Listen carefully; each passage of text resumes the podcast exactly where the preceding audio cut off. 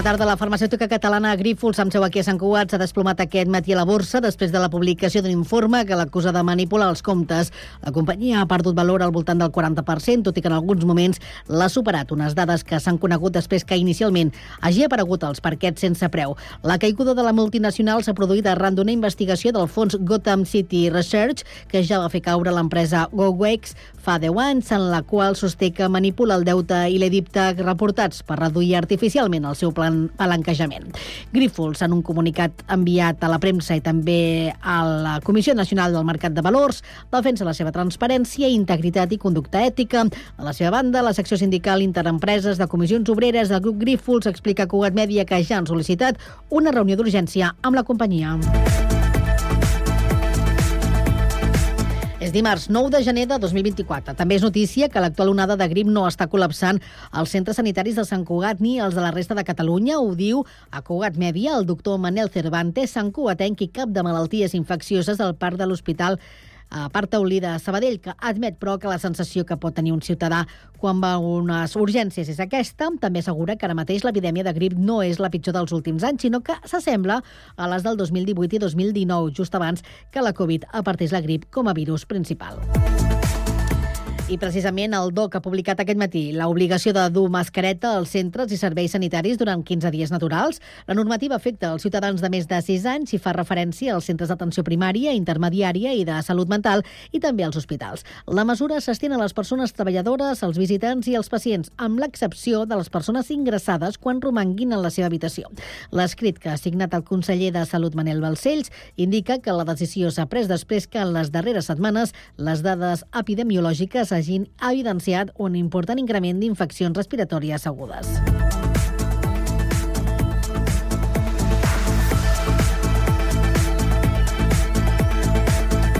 La sala d'exposicions del Centre d'Art Maristany, no on ara es pot visitar les mostres La Imatges, la tasca de Salvador Joan Pere, està tancada fins demà dimecres a causa de la inundació que ha patit a la nit de diumenge. Segons informa l'Ajuntament, la caldera del soterrani de l'equipament municipal s'ha trencat durant una apagada produïda al centre de la ciutat i ha provocat una fuita d'aigua de dos o tres dits a la sala d'exposicions. La incidència no ha afectat, però, a les obres exposades i el consistori ha preferit tancar la sala d'exposicions ubicada al soterrani per seguretat. Els tallers que es fan a l'equipament funcionen amb normalitat normalitat.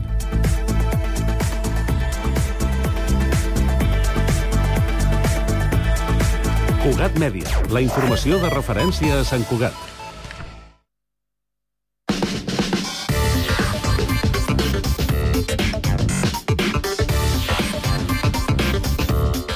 Cinc de la tarda, 3 minuts, inici de la segona i última hora d'aquest Connectats de dimarts. Informació de servei que iniciem pel trànsit. Roger Serra, bona tarda.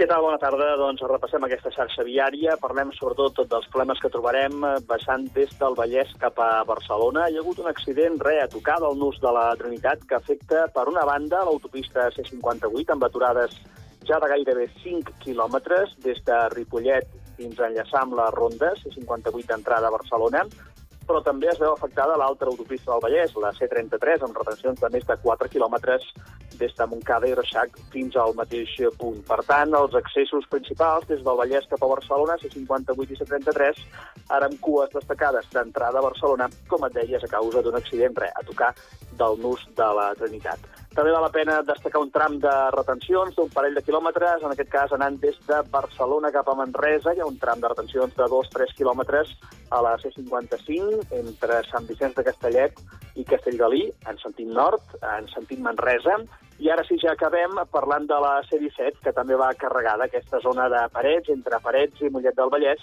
en sentit sud, en sentit Barcelona. Gràcies i bona tarda, Roger. Bona tarda. I pel que fa al transport públic, eh, coneguem quina és la situació. Transmet Albert Garram, bona tarda. Doncs estem tenint una jornada de dimarts, la veritat que molt plàcida en quant a alteracions a la xarxa de transport públic de l'àrea metropolitana. Fins al moment podem parlar de normalitat, on tots els serveis, tant ferroviaris com de bus, funcionen sense cap incidència destacable. Així que, de moment, això és tot des del Transmet.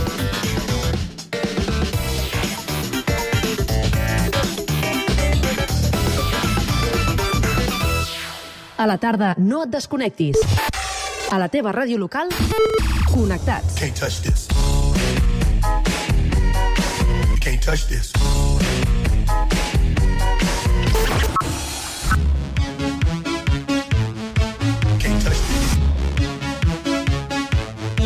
Can't touch this. Connectats amb Carme Rebell.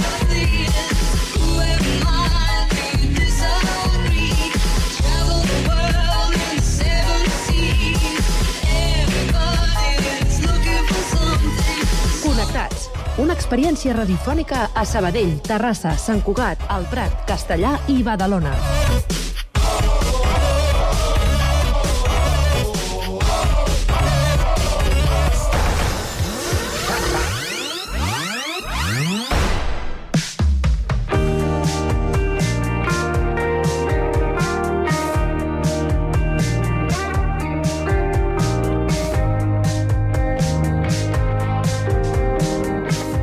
Aquest 2024 és un any d'aniversaris al Prat de Llobregat. Un dels establiments més emblemàtics, el celler Cal Pere Tarrida, celebra enguany 100 anys de vida, oferint un dels millors vermuts de Catalunya segons els Premis Binari, dels quals van ser finalistes l'any passat. Anem fins allà i descobrim quin és el seu secret i ho fem amb el Lluís Rodríguez Alonso. Bona tarda, Lluís. Bona tarda. El celler Calpera Tarrida celebra aquest 2024 100 anys. El mític establiment del carrer Jaume Casanovas serveix cada setmana entre 400 i 400 litres de vermut segons l'època de l'any. De fet, recentment ha estat finalista a millor vermuteria de Catalunya als Premis Binari dels Vermuts Catalans 2023. I és que és un local que, de fet, traspassa fronteres. En parlar tot plegat amb els seus propietaris són el Jofre i la Jorina Tarrida. Què tal, com esteu? Molt bé, bon dia. Bé, Bon estem dia. bé, molt ben bé. Ni vinoteca ni enoteca, vosaltres, de fet, sempre defenseu que això és una taverna. Per què? Eh, perquè sempre el pare ho ha de defensar, eh, l'avi ho ha de defensar i perquè som diferents, eh, perquè a part de servir vi a granel i botelleria, servim també el que són eh, aperitius. Aleshores, eh, no som un bar normal i corrent, però tampoc som- una botiga convencional. O sigui, i al final, al final defensem com a taverna que sempre és, és el, el que hi havia abans, que una taverna servien i venien vi a granel. Feu 100 anys, eh, com entomeu això i com van ser els orígens, també? Bé, doncs, bueno, primer el meu avi va, doncs, ja dic, bueno, l'any 24 va venir de Guàrdia de Font-rubí i bueno, mm, va parlar amb un noi que buscava feina i bueno, al final doncs, bueno, va arribar a fer tractes doncs, amb la persona que, que tenia aquest local. I, i bé, i, bueno, i des dels inicis doncs, ell va començar a servir amb, les, amb, la, amb el carro i les, les botes de vi, uh -huh. anava per les cases de pagès i, bueno, i a poc a poc doncs, bueno, es va anar fent una clientela més o menys fixa i, bueno, cada vegada doncs, bueno, la, la gent doncs, venia més. Eh, després també hi havia les fàbriques de la seda, bueno, la seda de la paperera, uh -huh. totes aquestes persones que venien a fer també la partida, el xatillo de vino, no? el que era el tema del gotet de vi, i, bueno, i després a partir d'aquí doncs, el tema de les anxoves, que també va ser una cosa revolucionària, perquè en aquella època la veritat que poca gent va tenir la, la, la, la iniciativa doncs, de, de fer el, les anxoves amb el vermut, que bueno, també va ser una cosa que ell, doncs, bueno, no és que s'hagués inventat, però bueno, bueno, amb diferents herbes i diferents eh, truquets i coses, doncs, bueno, va fer el vermut que fins ara d'avui, fins a la data d'avui, doncs encara som coneguts doncs, pel vermut amb anxoves i, bueno, i d'altres temes que també te- tenim aquí, doncs el granel i el que diu el Jofre de, de les ampolles de, de vi doncs, embotellat. I després, doncs això, vosaltres també doncs, vau continuar, hi ha hagut aquest llegat eh, doncs, generacional, podríem dir, de la família, no? Va continuar el pare quan l'avi va morir i després ja amb el pare vaig començar jo a treballar als 18, 19 anys ja vaig començar a treballar aquí. Uh -huh. Després va incorporar ella i quan va morir el pare doncs vam continuar la meva germana i jo. Bueno, els caps de setmana, la veritat que és que estàvem tota la família aquí, perquè el, tant hi havia el meu germà Pere com el Vidal, que també doncs, els caps de setmana ens ajudaven, bueno, tots ens ajudàvem tots, vull dir, no era, era un negoci familiar, no, en aquest cas, vull dir, no teníem contracte per dir-ho així, però bueno, fins que les coses, doncs, bueno, doncs cadascú va agafar el camí professional que li va més convenir i al final doncs, ens vam quedar el Jofre i jo aquí a la, en el, a la botiga, en l'establiment. Un local que, de fet, amb els anys també ha anat canviant. Bueno, no creguis, eh? Em sembla que poc ha canviat. Bueno, a veure, a nivell, a nivell estructural sí, perquè vam fer una reforma molt important en, els anys 80. Sí, als anys 80 vam fer una reforma bastant important, de- va ser un canvi de, de situació petit de la botiga, de -huh. passar d'un cantó vam passar aquí, i vam fer aquest tipus de botiga i més l'estructura de, de, del celler a baix i tot això. Però realment és als anys 80 que no s'ha tocat res més aquí. No, això no, però bueno, bueno, per exemple, amb el tema de la pandèmia, doncs, bueno, Sí, sí, vulguis bueno. que no, hem fet una mica sí, més de- d'ampliació de, local cap endins doncs, perquè tenim espai i bé, i doncs el tema doncs, de d'aquí sí que més o menys segueix tot igual però el tema doncs, de a baix també el celler doncs, bueno, també vam ampliar, vam fer una altra obra vam, vam, vam augmentar una mica més de- d'espai doncs, perquè tots els vins estiguin doncs, en, el seu, bueno, en el seu lloc més adequat en el tema de l'evolució. Quina quantitat teniu aquí aproximadament entre, no sé, vins, vermuts, aproximadament, eh? no cal donar la xifra exacta. Calculem que més o menys uns 3.600 referències. Sí. Més o menys, més o menys, eh? O sigui, no, deu per dalt, deu per baix. De botelles no puc dir, perquè depèn de quina referència hi ha més de, més, més de caixes i, menys, i depèn de quina referència hi ha menys caixes, o sigui que aquí no t'ho puc dir. No, i després el tema del concepte vins, doncs clar, abans era doncs, eh, les denominacions d'origen d'origen Rioja, Ribera, Priorat i no hi havia gaires més denominacions d'origen. Clar, d'un temps cap aquí hi ha hagut molta més eh, increment doncs, de denominacions d'origen. I bueno, intentem tenir doncs, de totes les denominacions, alguns vins, clar, no els pots tenir tots perquè és impossible, però bueno, intentem, doncs, bueno, i si no, si ve un client i et diu vull aquest vi, doncs, si no el tens, doncs, bueno, l'intentes doncs, redreçar doncs, cap a un altre doncs, que també sigui similar i bueno, una mica doncs, assessorament eh, vinícola. Tal com dèiem, aquest centenari a més ve precedit doncs, eh, doncs, per a aquest reconeixement, no? Heu estat doncs, això, finalistes a millor vermuteria pels Premis eh, Binari, eh, justament doncs, eh, l'any passat. Eh, com ho rebeu, això? Bueno, això va ser un, un, és el primer any que es va fer, val? Eh, eh, i és un, és un reconeixement que vol reconèixer la millor vermuteria que hi ha a Catalunya. Aleshores, és, és a, base, a base de votació de clients. És, no, és, no és votació de, de ciutat de, dels binaris, sinó és de, de votació popular. Llavors, doncs, el qui més vots va tindre doncs, és el que va guanyar. És, és així. Que sigui precisament la clientela la que voti, suposo que també això doncs, us omple d'orgull, no? Home, clar, eh, quedar finalistes amb un premi de Cins pues, és, és, és molt important, perquè l'essència de que el, el, el, el, aquest premi no significa el, que si és la millor vermuteria en si un any, sinó que hi ha un treball darrere de molts anys per aconseguir a, a, arribar en, aquest, en, aquest, en aquesta fita. Quin és el secret d'un bon vermut? Que t'agradi. Ja està. Ja està. No, a veure, no, aquí és com tothom, tothom vol saber la fórmula màgica, no hi ha fórmula màgica, és, és, és, és vi blanc macerat amb herbes i cada un posa les herbes que vol. Jo sempre dic una cosa, no hi ha bon vermut ni mal vermut, hi ha vermut diferent. Val? Llavors, cada vermut, cada vermut té, té el, cada, cada persona que elabora el vermut l'elabora d'una forma, si més amargant o menys amargant, si més dolç, menys dolç, o amb més, mm, amb més gust a manseria o menys gust a manseria, perquè així ens es diferencia de l'altre vermut. O sigui, cada vermut és diferent i el secret és que és molt difícil saber quin és el secret.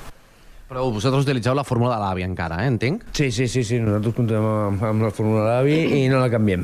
No, no, de moment no, ja en principi. Després tenim una bota allà d'uns 7.000 litres, 8.000 litres, més o menys, 12.000. 12.000. I allà és on hi ha doncs, les mares, i vulguis que no, clar, aquestes mares són les que mm, perfeccionen o eh, milloren doncs, el, el vermut doncs, que, que anem fent. Llavors, clar, vulguis que no, doncs, la bota també li dona un, un, un buquet diferent i clar, tot això doncs, fa doncs, que bueno, doncs, el vermut nostre, com que té molta rotació, doncs, bueno, es, va, es va millorant en el, en el temps.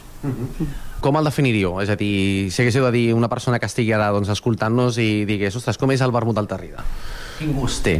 El vermut nostre té com una entrada una mica dolça, té una entrada dolça, però que al final surt l'amargant, uh -huh. eh, uns tocs de taronja, eh, Sí, però tampoc no és molt amarg. Vull dir, llavors és una mena doncs, de... combinació. Sí, exacte. Vull dir, tampoc no és molt secant. Eh, les notes de taronja i de nisol sí que es nota, però bueno, està molt, molt equilibrat en aquest sentit. La dolçor primera i al final doncs, aquesta amargor que juntament, clar, nosaltres potser juguem amb avantatge del tema de les anxoves, que la celebró de les anxoves amb la dolçor del vermut doncs fa una bona, un bon equip i una bona, un bon maridatge. Precisament us anava a preguntar, com es pren un bon vermut? Perquè hi ha un auge de vermuteries en els darrers anys que veiem que posen gel, que posen taronja, que posen olives... Eh, no sé, com, com, com és per vosaltres un bon vermut? Nosaltres el vermut, eh, ens, el, jo el meu consell és prendre el sol. Sí. I com a molt amb una mica de, de, de sifon, de soda. Però jo posar-li una taronja, posar-li llimona o posar-li oliva o posar-li això, eh, el que perd és la, la gràcia de provar un bon vermut. encara que tradicionalment sempre s'ha posat l'oliveta, nosaltres no la posem. Vull dir, llavors, doncs, bueno, més el vermut tal qual surt de l'aixeta i ja et dic, amb una mica de sifó de soda i ja està. I sobretot doncs, bueno, l'acompanyament doncs, d'altres eh, bueno, No, elements, no? elements. les anxoves, les escopinyes, cloïses, patates, ja dic, tot el tema aquest eh, salat dolç doncs, doncs fa que hi hagi una bona, Combinació. un, bon, un bon equilibri. Abans, Jordina, comentaves que abans això, la clientela que teníeu, doncs, per exemple, hi havia doncs, això, eh, eh, treballadors i treballadores de la seda, de la paperera, tot això, clar, evidentment amb els anys ha anat canviant perquè també aquestes fac- factories han tancat. Quin, quin, no sé, com és el, el perfil de clientela que teniu avui en dia? Uh, la nostra gent, a veure, ens ve molta gent nova, perquè vull dir, ve molta gent de fora també, vull dir, no només és d'aquí del poble local, sinó que molta gent, doncs bé, el boca-orella, doncs, gràcies a Déu funciona, i ve molta gent de fora, sigui doncs, per la xarxa social, sigui doncs, pel seu Premi Nas d'Or, sigui pels Premis Binari, bueno, és a dir, tot hi ha una conjunció de- d'elements doncs, que fa doncs, que, que la gent doncs, ens vulgui venir a visitar i a veure i a provar el nostre vermut. I, bueno, Sí, bueno, tenim, gràcies a Déu, tenim un, una clientela molt variada. Tenim des de gent gran fins a gent jove. Sí, o sí, sigui, sí. Gràcies a Déu no, no, no ens podem queixar amb aquest tema de tipus de clientela perquè ens ve tant la gent jove com la gent gran. No, i molt familiar, perquè Exacte. potser inclús eh, de generacions, no? El meu pare venia a fer el vermut i ara sóc jo el que vinc a fer el vermut amb els meus fills. Vull dir que és una cosa generacional. Sí, sí. Abans comentàvem doncs, aquests eh, premi de Nas d'Or que va s'emportar de Jofre l'any 2013. Ara ja han passat, doncs, això, pràcticament 11 anys des d'aleshores. Què és el que ha de tenir un bon vi? Què ha de tenir un bon vi? Un bon equilibri. Un bon equilibri i una bona base. Si té una bona base i un bon equilibri, no, podem treure un bon vi. Eh, I sobretot que la, el vi li agradi a la gent, mm, perquè tot el vi, a veure, ens, ens pot agradar el vi, però no tots els vins ens agraden. Aleshores, aquí és ja qüestió del client si li agrada o no li agrada. Aleshores, doncs, aquí intentem nosaltres aconsellar un màxim, intentem fer una mica, que dic jo, de psicòleg, perquè al final a base de preguntes eh, vas tirant cap al camí que vols que el client, el client vol aquell tipus de vi. I és, i és moltes vegades és a base de preguntes, de quin vi vols, si blanc, negre, què menjaràs, amb què ho menjaràs... Són, són preguntes que semblen tontes, però al final eh, porten un bon, un bon camí perquè eh, fas un bon, un bon vi amb un bon apat. En aquest sentit, tu portes des de jovenet treballant aquí. Eh, és una... Um, el fet de poder detectar quin és un bon vi, no? i amb aquest Premi de Nas d'Or, precisament, doncs, eh, és una aptitud que és innata, es va adquirint amb el temps, és una experiència que es va guanyant, no sé. No tinc ni idea. Clarament no tinc ni idea. No, home, la pràctica hi fa molt, clar. Vull dir, si, Pràctica- pràctica per- si t'estàs més, doncs, Sí, evidentment, si clar, més una persona no, no olora, no olora, no olora, no olora, no, no, no, no ho trobarà. Però si a pràctica tampoc hi fem molta pràctica. El que passa és com que he anat a molts, a molts concursos, he anat a molts jocs i d'això, doncs vulguis o no vulguis, doncs vas, vas olorant coses i vas a visites a bodegues o vas a, a salons de, de vins i allà doncs, parlant amb el proveïdor, doncs, hòstia, olora'm això, mira'm això, i vas olorant i vas provant i, i vulguis o vulguis, el dia a dia eh, t'ajuda. No, i, I els registres també que puguis tenir tu Exacte. teus de record d'infància, per exemple, també moltes vegades potser a tu un vi et recorda l'olor, doncs, jo què sé, de la gespa, no? i altre dirà, doncs no, jo quan tenia una, el quart on jo jugava, per exemple, doncs Mhm. aquella olor, i llavors també moltes vegades és record sensorial Sí. doncs, de, de, dels teus registres que puguis tenir. Exacte. Sí, sí. Cada un tenim els nostres registres, no és que tinguem un, un arxivador aquí dintre. Però bueno, hi ha gent que... Eh, jo sempre dic que el meu cap és com un arxivador que està per seccions. Val? Llavors eh, jo quan agafo un vi ja començo per seccions. Ens vaig passant arxius fins que trobo el, el que crec que és adequat. Ara hem acabat de deixar enrere les festes de Nadal, però en qualsevol cas estem en ple hivern. No sé, quines recomanacions es faríeu, per exemple, de vins? Ara, ara en ple hivern seria... És bona temporada pels vins negres. És una bona temporada pels vins negres, ja que els vins negres no necessiten tem eh, nevera, i estem a unes temperatures de 13, 10, 13 graus, que el vi negre tranquil·lament mm, li, va, li funciona perfectament. I després els caves també Sí. sí. són bona època també, sí. perquè el cava de fresquet sempre entra bé. Mm. I sobretot, bueno, vins amb criança, sobretot, potser, potser que ve més de gust doncs, un àpat una mica més allò més contundent, una mica, doncs, perquè jo dic, com que fa una mica més de fred, doncs també mm, ve de gust un vi doncs, que també acompanyi, que sigui un vi doncs, així una mica més estructurat. I llavors també els vins negres amb criança, doncs sobretot, Mhm. sí, sí, sí, dir, entren bé. Ta- Ara, doncs, que ja arribeu al centenari, reptes de futur del celler? Continua fins que ens jubilem. No, bueno, a veure, relleu generacional de moment no en tenim. Llavors, doncs, bueno, és anar continuant amb la tasca Ah, que, que tenim fem, i fem. i ja està. I, bueno, i, i no ho sabem, vull dir, això se sap no se mai. sap el que pot passar Pot d'aquí dues pot- hores. Pot, vull ser que, pot ser que l'any que ve a mi se'm giri el cervell i, i munti una altra cosa. No ho sé. No, però bueno, en- intentar de moment continuar amb la línia que de moment doncs, ens ha anat funcionant i ja dic sobretot doncs, gràcies a la gent, perquè sense la gent que no et ve a comprar, mm, molt centenari tampoc no ho podríem fer. Llavors, clar, és tot molt eh, retroactiu no? en aquest sentit. Vull dir, si la gent doncs, eh, t'aprecia, t'estima, ve a comprar, eh, aprecia el teu vermut, les anxoves i bueno, el, el, el local en si, Mhm. doncs clar, vulguis que no, doncs, mm, fa doncs, que la trajectòria doncs, la podem anar prolongant fins, al, fins, que, fins que puguem, vaja. Sí, sí. Doncs, eh, Jordina, Jofre Tarrida, moltíssimes gràcies per atendre'ns i salut, també, i moltes felicitats. moltes gràcies, a vosaltres. Moltes gràcies.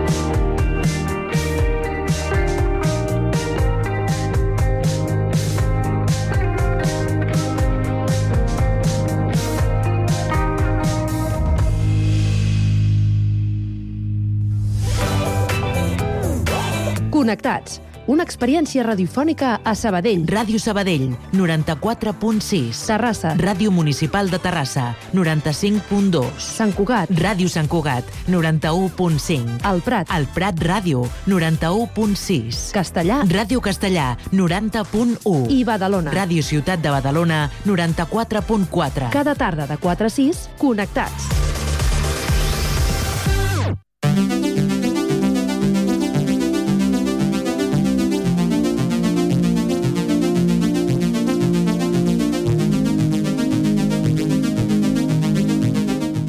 Els pròxims minuts d'aquest Connectats els dedicarem a la salut i és que en aquesta època de l'any és molt corrent que apareguin refredats, grip i també continuem amb la persistència de, del Covid. Per saber distingir els seus símptomes i alguns dels seus tractaments, el nostre company Sergi Estapé parla ara amb la doctora Ani Navarro, especialista en pneumologia. Bona tarda, Sergi. Bona tarda, doncs efectivament estem amb la doctora Ani Navarro, pneumòloga. Doctora, què tal? Bona tarda. Què tal? Bona tarda. Moltes gràcies per la invitació.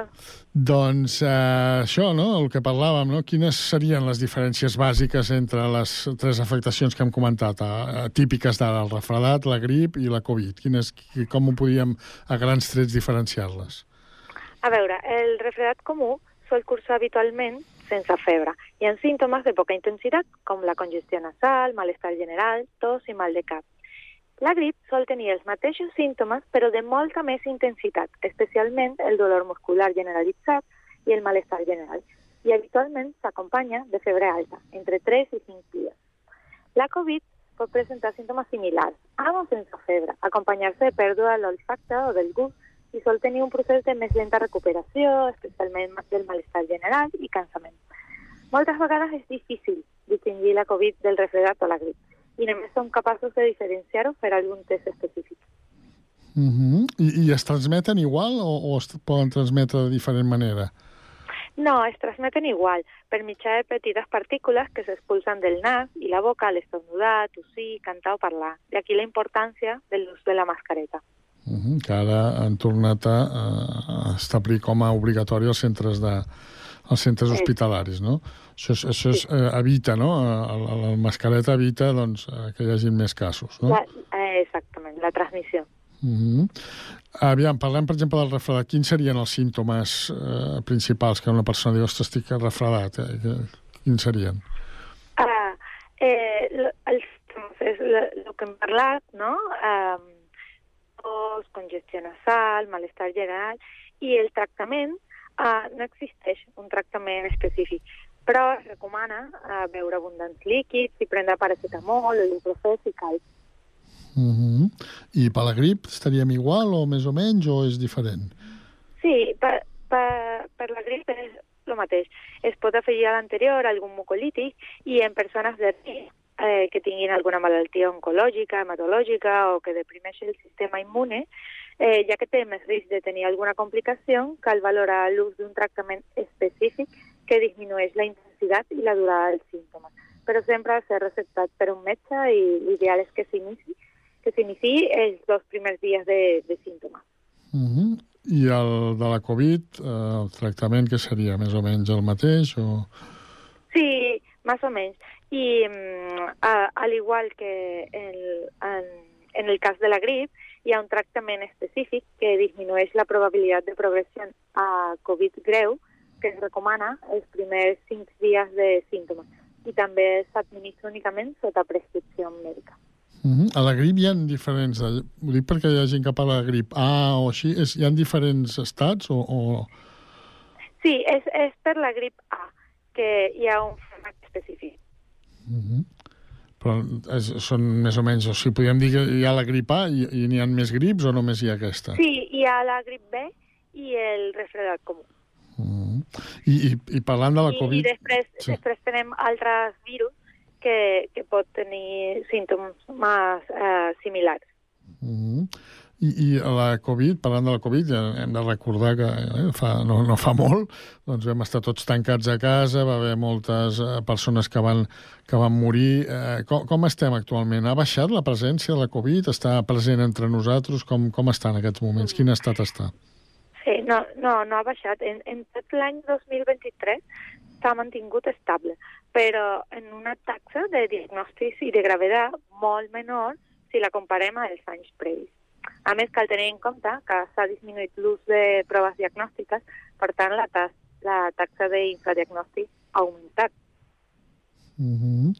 I, I la podem considerar ja com que ja no és, o sigui, com si fos una grip o, o, o que ja no és una afectació tan greu o encara podem, pot haver risc per a les persones, depèn de quines. Uh, es pot considerar com una afectació molt menys greu que fa els altres anys. Hem de continuar tenint cura, perquè encara continua sent una malaltia nova, a un virus amb capacitat de mutació, i per tant pot canviar, pot, pot canviar el seu comportament en qualsevol moment. I, i les persones de, de risc, que hem parlat abans, uh, pot, eh, uh, encara poden desenvolupar una Covid greu. Uh -huh. En aquest sentit, quin, quin seria el, els grups o els target de població que, que haurien de, de vacunar-se de la Covid, sí o no?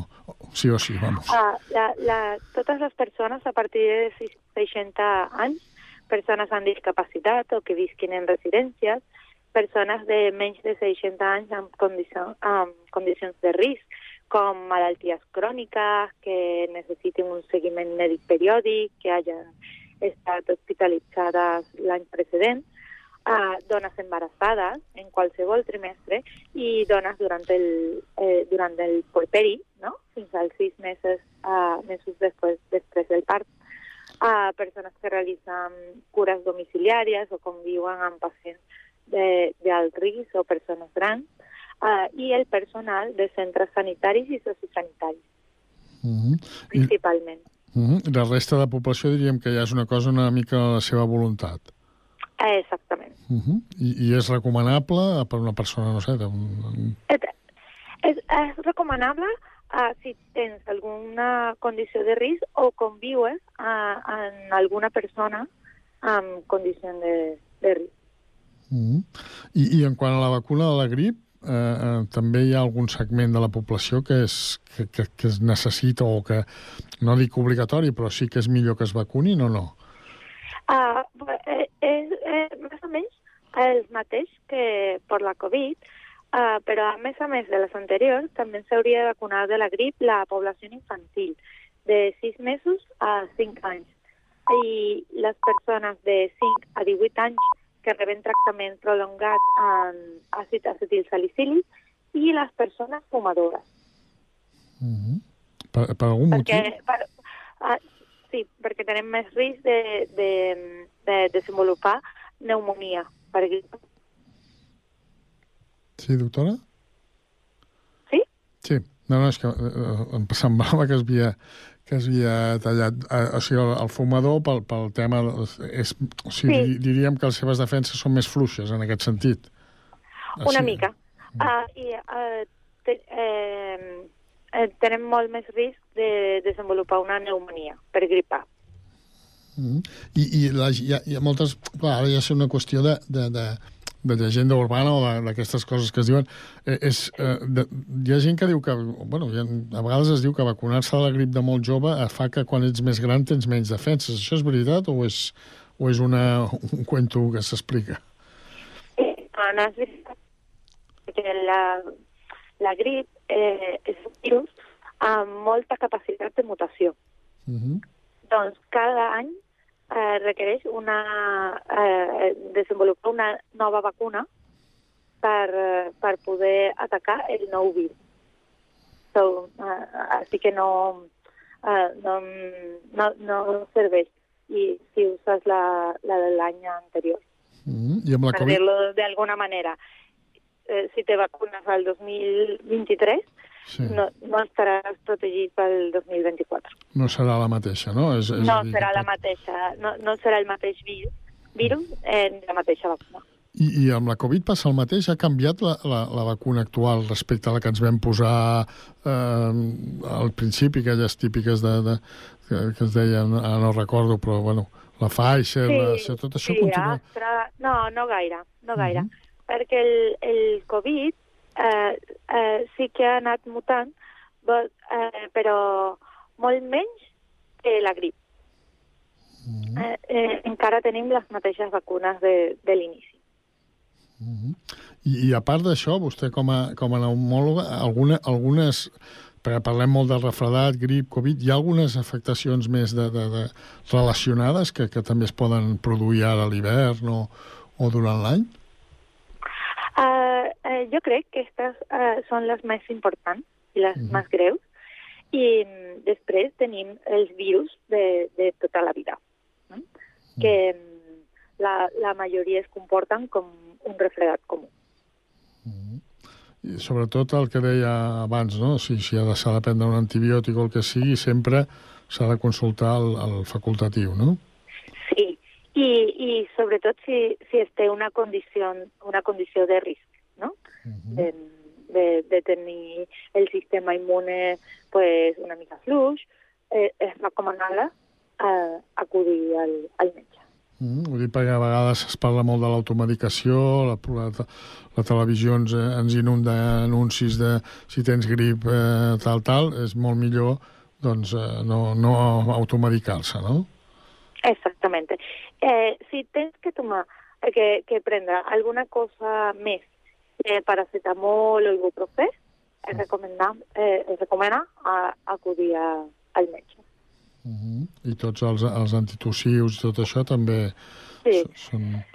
Ah, eh, em, la, la gran majoria dels mucolítics eh, es, pon, es poden fer servir, però eh, dos o tres dies, Uh -huh. No més. No més. no, no més. Eh, perquè a vegades eh, les persones eh, estan mm, dues setmanes, setmanes, i, i no, no és recomanable.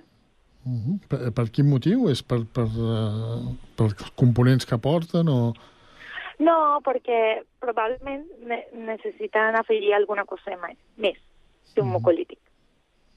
Si, si, si lo, eh, has de prendre eh, tants dies, eh, probablement necessites una altra cosa.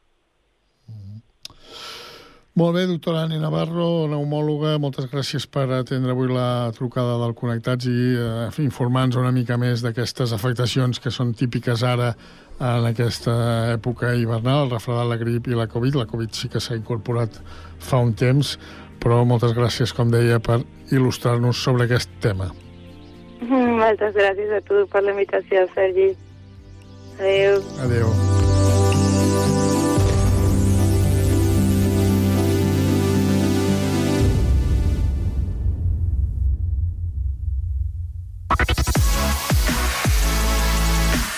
Connectats, una experiència radiofònica a Sabadell, Terrassa, Sant Cugat, El Prat, Castellà i Badalona.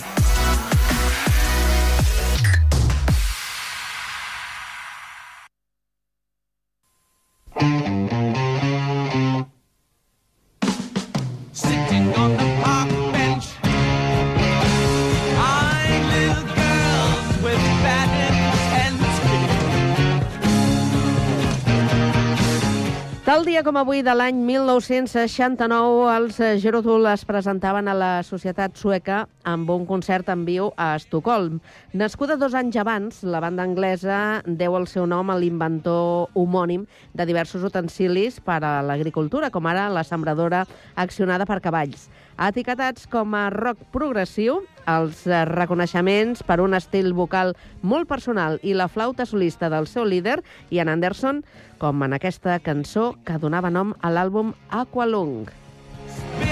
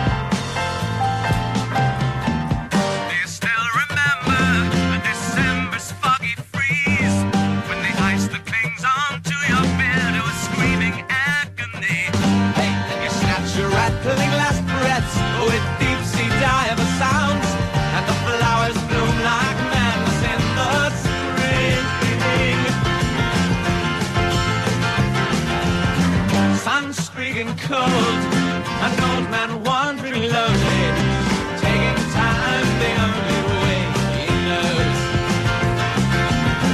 Leg hurting bad as he bends to pick a dog end. He goes down to the bog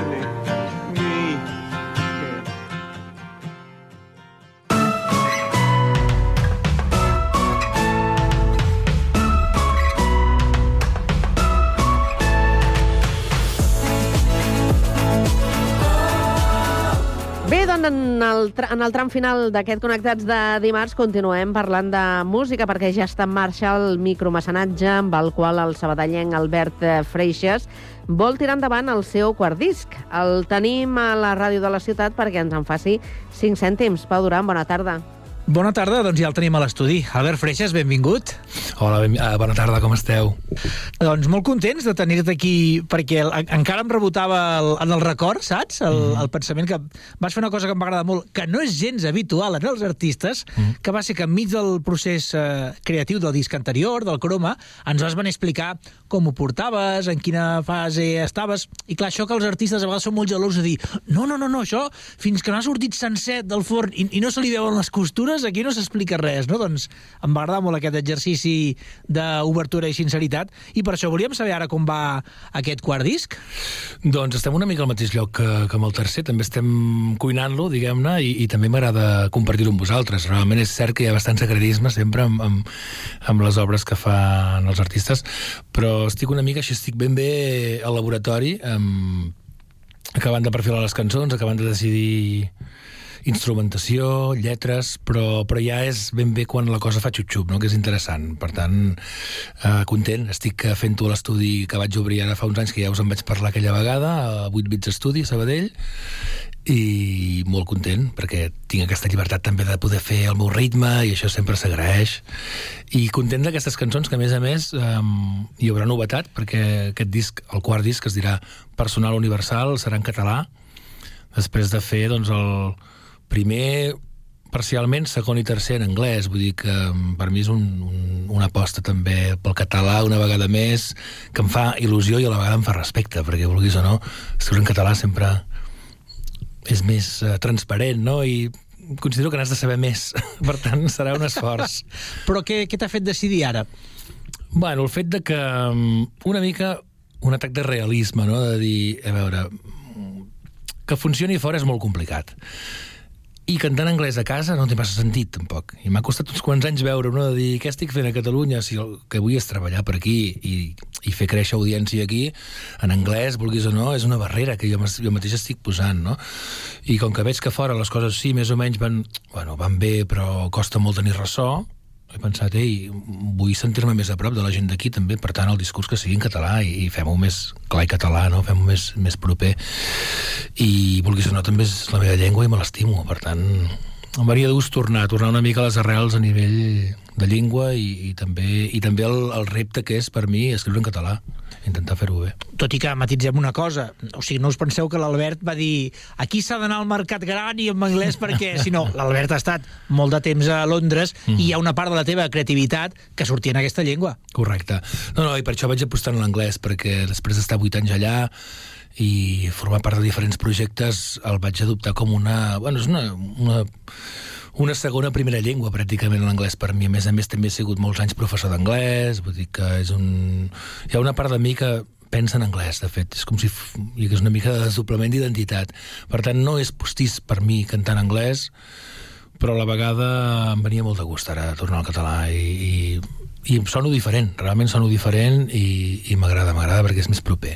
Està tancat el número de cançons que tindrà aquest uh, uni personal universal? Sí, entre 8 i 10. A veure com acaben de quedar gravades i mesclades, però entre 8 i 10. Mínim 8, 10 màxim i temàtiques universals, com, com diu el títol, no? Um, I crec que en les quals molta gent s'hi pot identificar. O sigui, parlo del, del dia a dia, però també parlo molt de, doncs, com sempre, no? dels grans temes, l'amor, fer-se gran, i una mica doncs, um, els temps moderns, les pantalles, no? Com a, hi ha una cançó, de fet, que es dirà Pantalles, és una cançó i he decidit que serà com una cançó protesta moderna, perquè en el fons estic allà dient que les pantalles són la causa dels nostres mals, i ho dic ben clar a la, la tornada, no? que entenc no, que per mitjans això es fan servir, però és, em refereixo a aquest abús, abús de pantalles, no? de tenir una pantalla la primera cosa que fas al matí i l'última abans d'anar a dormir, que ens en anem amb el cap encès a dormir i veig que això ens està fent molt mal a grans i petits i, i serà bastant crític amb, amb, el, amb la vida que duem avui en dia. Bé, a tu també et passa, no?, que el, el, són un element amb el qual hem de treballar, però el, al final el, el mateix que ens ajuda a produir, al final en, ens atrapa, ens esclavitza una mica, si li vols dir així. Sí, perquè hi ha gent que treballa perquè així sigui. Realment hi ha molts programes i aplicacions que ja estan dissenyades per això, perquè quedem abduïts que és, és bastant mesquí, bastant cruel, no? Perquè hi ha gent que ho fa amb tota la intenció. De fet, si tu parles amb desenvolupadors d'aplicacions i de mòbils, de smartphones, et diran que ells a casa no fan servir smartphone, perquè saben lo perillós que és, i que els seus fills no els donarien mai un smartphone fins als 20 anys. I aquesta gent és la gent que està dissenyant aquestes coses que ens atrapen a tots, perquè saben lo perillós. Jo crec que encara no ens n'adonem de realment el mal que ens està fent, no? I en aquest dia sortirà aquesta temàtica, i potser més, més que una vegada, eh? Mm. Bueno, és que els que tenim una edat, recordem que abans, mm. antes, la tele s'acabava. Hi havia una hora, la carta de just, i fins sortia demà pitu. unes bones Pip. hores. Exacte. Ara ja no parlo de les plataformes, eh, que almenys pots triar, però l'Instagram, que ni tan sols tries tu el que vols veure, no? És, és infinit, És ja no infinit. s'acaba mai. I més amb aquest sistema que es van inventar de, de tirar amunt i avall sense que s'hagi de carregar la pàgina, això ja és, és la perdició. Si és que jo sent tan anti, entre cometes, pantalles, i jo de vegades m'he vist enganxat de dir, porto una hora mirant coses que no m'interessen, és que és molt fort de la cosa, no? Per tant, és més fort que nosaltres, i crec que hem de posar-hi es, es, es diu molt i surt molt en debats, no? però encara hi hem de posar més atenció, crec, i dir, realment ens cal un, una estratègia, perquè ens, ens està arrossegant aquesta revolució tecnològica, no? És, Sí, sí, pel pedregar.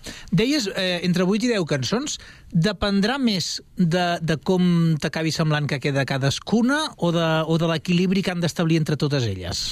Una mica eh, les dues coses, sí, sí, ben vist. Uh, serà una mica que tot sigui coherent i que quedi ben equilibrat i també a nivell individual, doncs si veus que estàs arribant a transmetre allò que vols transmetre, bé. Si queda curta, doncs potser en cau una. Però, bueno, intentaré que siguin 10. Sempre és més rodonet. I el que sí que segurament tiraran a ser més curtes que llargues. Tampoc de vegades... Mm, sí, ara veig que un dels motius també és perquè la gent sembla que al cap d'un minut o un minut i mig ja ja canvien l'atenció i s'avorreixen, o inclús abans, eh? Llavors mm, això també va amb els temps que corren ara, sembla que tot ha de passar abans i potser més sintetitzat. Intentaré agafar un enfocament així una miqueta més modern en quant a la, fa la factura dels temes i, i també aquest, aquest tipus de coses a tenir en compte, no? de dir no allargar-te massa, no fer temes de 7 minuts perquè la gent és que no els aguantarà i, i bueno, trobar l'equilibri entre el que jo vull i el que crec que la gent acceptarà millor o pitjor, no? també. El que ha canviat el, el consum també. Ha canviat molt. Portes tres eh, àlbums a les esquenes. Escolta, no era més senzill parlar amb un segell i, i que t'anessin avisant, que no liar-te aquí a fer el micromecenatge i tot plegat? Sí, però saps què passa? Que ho he fet també com part del projecte artístic. També el fet del, del micromecenatge no només és um, per dir, ei, ajudeu-me doncs, a, a recaptar, sinó que és més aviat fer que la gent sigui partícip d'aquest projecte. I com que es diu personal universal, comença dins d'un mateix, però ei, són coses que compartim, sigui música, sigui tot plegat, la vida. Com que volia que fos no només una cosa que surt de mi i que exposo al món, si faig un procés així, faig que la gent també entri en la seva, bueno, el seu finançament, però a la vegada també la seva s'involucren en el projecte, no? I, i, i era una mica la filosofia darrere d'aquesta idea. No només el fet de dir, ei, evidentment que tota ajuda serà benvinguda a nivell econòmic, però era més el, el fet de dir vull que siguem uns quants allà involucrats, i així també fem això, aquesta idea de personal universal. Ens has explicat que els temes eren força universals. L'etiqueta de personal on la voldries penjar? Bueno, el fet de que tot surt una mica doncs, de, de dins meu, diguem-ne, no? De, de... La idea és aquesta, o sigui, tota llibertat, tota creativitat comença, comença dins d'un mateix i a partir d'aquí, doncs, com interactuem, no?, fora també, i com ens relacionem. Per tant, um, i ara justament aquests dies estic llegint, estic rellegint un, un, un llibre d'un autor que m'agrada molt, que es, que es diu Krishnamurti, que és un d'aquests uh, savis indis, em sembla que era, i parla això, no?, de que, que el canvi comença dins d'un mateix. Si realment volem canviar aquesta societat que sembla que ens està ensenyant certs símptomes de malaltia, d'estar malalta, coses que estan bé, però coses que mm, es- estem perdent bastant al camí, eh, el canvi ha de començar dins d'un mateix, no? i el canvi de- d'enfocament, canvi d'actitud, i a partir d'aquí projectem cap en fora i compartim. Una mica és aquesta idea, no? doncs que si realment volem canvis efectius fora hem de començar dins, personal universal. El, has muntat un Verkami per aconseguir aquests 3.000 euros que està en marxa. Us queden uns dies per poder col·laborar-hi encara, és a dir, que afanyeu-vos. Mm. Però jo m'aventuro a pensar que només 3.000 euros no us deu No, pas no. valer aquest àlbum. No, no, no. De fet, ja, ja et deia que és una quantitat més simbòlica que res. Uh, sí que ajuda, ajudarà amb despeses de comunicació una miqueta, um, intentar doncs, moure, moure el disc un cop estigui fora i potser una mica el mastering, que és una cosa que fas a part de, de la gravació i enregistrament, que això ho farem al, al meu estudi, um, però normalment te'n vas a 10, 15, fàcilment, amb un, entre dissenys, entre mescles, hores d'estudi... Per tant, també volia ser realista, per això no, no, no puc um, aspirar tampoc a grans quantitats, i també perquè volia que no sigui tampoc un, un gran sobreesforç a tothom, no? que puguin aportar 20, 25, 30 i això ja vagi sumant. Sí que és cert que queden pocs dies, ara deuen quedar uns 10 o 12 dies, vull dir que sí que agrairia si la gent vol fer una ullada, tot serà, tot serà benvingut. I per quines recompenses? Hi ha molts tipus de recompenses, potser les novetats més eh, importants respecte al segon disc que vaig fer una mica de Bergami són que hi haurà doncs, una mica de marxandatge, hi haurà bosses d'aquestes, com se'n diuen, totes bags. La tote bag. Es portarà, Ei. no? Molt hipster. Tote bag, samarretes, hi ha un pack de lletres signades també fetes a mà, llavors també hi ha concerts, hi ha un concert privat, eh, ja sigui sol o en banda, perquè aquí ja estem pujant una mica perquè ja ens aniríem a una mica a concerts, i disc físic, eh, discografia anterior, hi ha bastant de, bastantes opcions, unes 10 o 12 opcions, vull dir que jo convido qualsevol persona a fer una ullada a aquest Berkami, em sembla que és Berkami Punis barra um, personal universal, el nom del disc, i ja veureu que hi ha bastanta cosa per triar. Sí, de fet, només que en el cercador poseu Albert Freixas També, i, no? i Verkami, no, no patiu que el, el primer enllaç que, que surt és aquest. Estàvem parlant abans de, de les teves experiències anteriors. Clar, eh, quan un va avançant amb la seva carrera artística, experiències com la de Londres influencien, sempre estan allà, se superen... En, en, en quin calaixet queda, per exemple, aquella etapa? No, jo crec que és una influència sempre, sempre i, i que bé que ho faci. Um, queda, queda actiu i, i crec que sempre té un pes amb tot el que faig a partir d'aquí. El fet de que vaig estar en formacions molt diferents coses més jazeres, coses de spoken word que diuen com poesia barrejada de música um, bandes de fusió tot això va ser una gran escola. Igual que també la meva temporada amb els Ix aquest grup català que vam estar perdó, del 2008 al 2015 més o menys vam estar vam fer quatre àlbums també amb els Ix i tot això suma, suma tota aquesta experiència, et dona molt bagatge tant a l'estudi com, al, com als directes, eh, bueno, et, et fa qui ets a nivell professional. Per tant, això es veu reflexat i, i m'agrada que així sigui. I segurament el punt de Londres és aquest punt que tinc jo potser més eclèctic en el meu discurs, que sempre estic barrejant estils, que no podries dir, bueno, la perfecció sona això. Jo vull pensar que no. Vull pensar que és difícil de catalogar i Londres hi té molt a veure. És tan cosmopolita i variada. No sé si t'has fixat que quan has dit Ix he estirat una mica el cap, perquè sempre estem pendent, pendent els que havíem seguit els Ix, allò de... I potser algun dia, com ho teniu, això? Sí, sí, cosa d'ells. Uh, bueno, s'havia parlat, el que passa que sí que és cert que ara vivim bastant allunyats uns dels altres, tots hem tingut també criatures ja fa uns anys, ja sabem que això t'arrossega i, i, i, i, i no hi ha prou hores al dia, no? Però sí, faria gràcia. Jo justament estàvem tornant amb el meu fill d'Andorra ara aquests dies i estàvem posant alguna cançó, deia, a veure, deixa'm tornar a sentir això perquè feia temps que no. I era molt guai estar amb els Ix i, i els directes, hi havia molta intensitat. A veure si això ho podem recuperar. Jo no ho descarto, però potser encara em passen 5 o 10 anys més, eh? Vés a saber. No, no tindrem pressa. I has dit eh, que veníeu d'Andorra, bons amics musicals tens allà també? També tinc molts bons amics, eh, sí, sí, tinc l'Oriol Vile- Vilella i, i el Lluís Cartes també, són, són músics de- d'Andorra, molt bons i amb qui toquem sovint allà dalt. Per sort, doncs, ara he entrat dins del seu grupet de, de directes i estem pujant bastant sovint. I també estic amb una altra gent que es diu, bueno, un nano que es diu Ladis B, que està començant més o menys, però també repetim, el Lluís Cartes és el bateria, jo el baixista, vull dir, ens anem, ens anem reinventant en diferents formats, però és divertit pujar a Andorra, sí, i ens tracten bastant bé. Com que vaig amb gent que ja té una certa solera allà, És divertit. I a més allà jugaven bastant, no? Que segons com era la formació, això que deies ara, o eren els Histeriofang, no? O era Lluís Cartes i els Fluxes, i anava canviant el... Correcte, correcte. Els Stereofunk també vam fer un concert meravellós amb ells, eh, els admiro moltíssim, fan, fan una gran música, i és això, de vegades, ara un agafa el baix, l'altre la bateria, com la, la gent, tota aquesta gent es defensa bastant bé amb, amb, amb diversos instruments, eh, és molt divertit anar, anar passant i anar canviant de perspectiva, no? És molt divertit. Molt bé, escolta'm, eh, es tanca el micromecenatge, aquest personal universal, quan sortirà del forn ja del tot? La idea és que la primavera, la primavera surti, al febrer-març jo vull pensar que ja sortirà un avançament, si no, a finals de gener, però és una mica just. Vull pensar que just abans de primavera farem ja un avançament d'un single, potser dos, que avui en dia ja torna a anar tot amb singles, no? com els temps de l'Elvis Presley, doncs anirem fent... I el que seria el disc de posada en llarg, diguem-ne, potser serà més això, abril... Però com que ja et dic, jo aniré traient singles, em sembla que és el que es fa ara, però suposo que el naixement així oficial serà primavera del, del 24. Mm. Albert, gràcies per venir connectats. Moltes gràcies a tu, Pau, i a tot l'equip. Un plaer.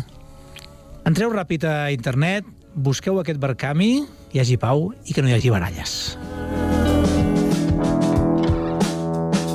Gràcies, Pau. Doncs avui acabarem precisament amb la música d'Albert eh, Freixas. Gràcies a tots per acompanyar-nos demà més a partir de les 4 i 3 minuts, edició de dimecres del Connectats.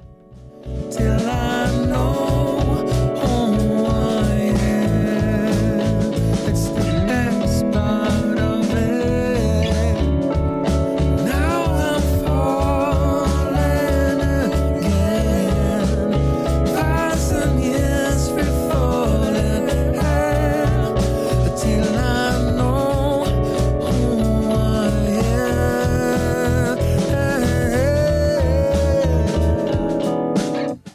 pareu, pareu un moment, pareu. Ei, stop, stop. Uh, hola, què tal, com esteu?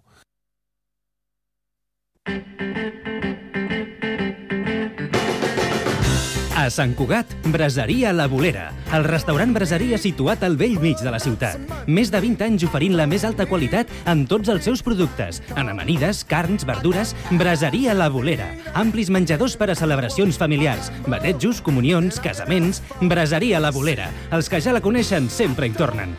Baixada de l'Alba 20, al costat del monestir. Telèfon 93 674 1675.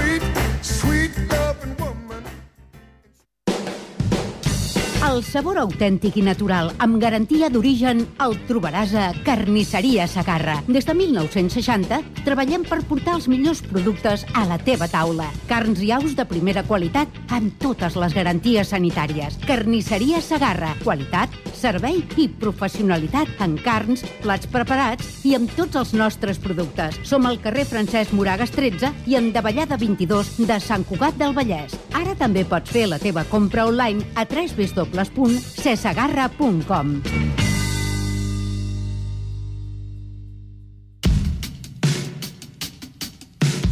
Nova temporada de Cugat Mèdia.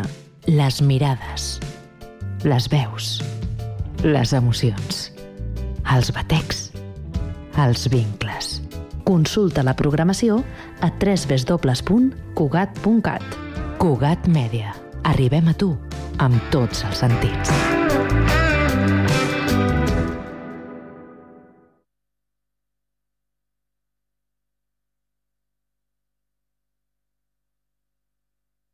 Gaudeix de la música amb nosaltres. Música a Ràdio Sant Cugat. So tell me who I see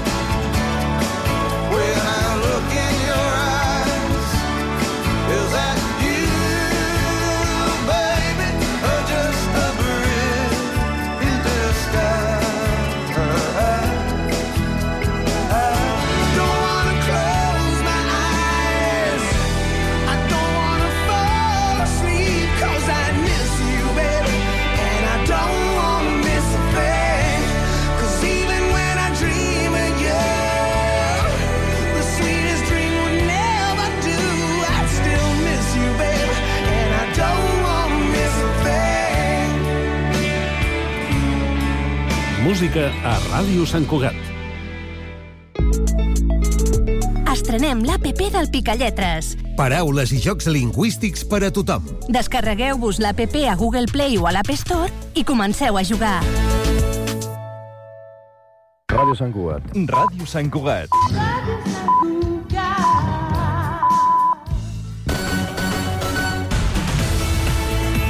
Ràdio Sant Cugat,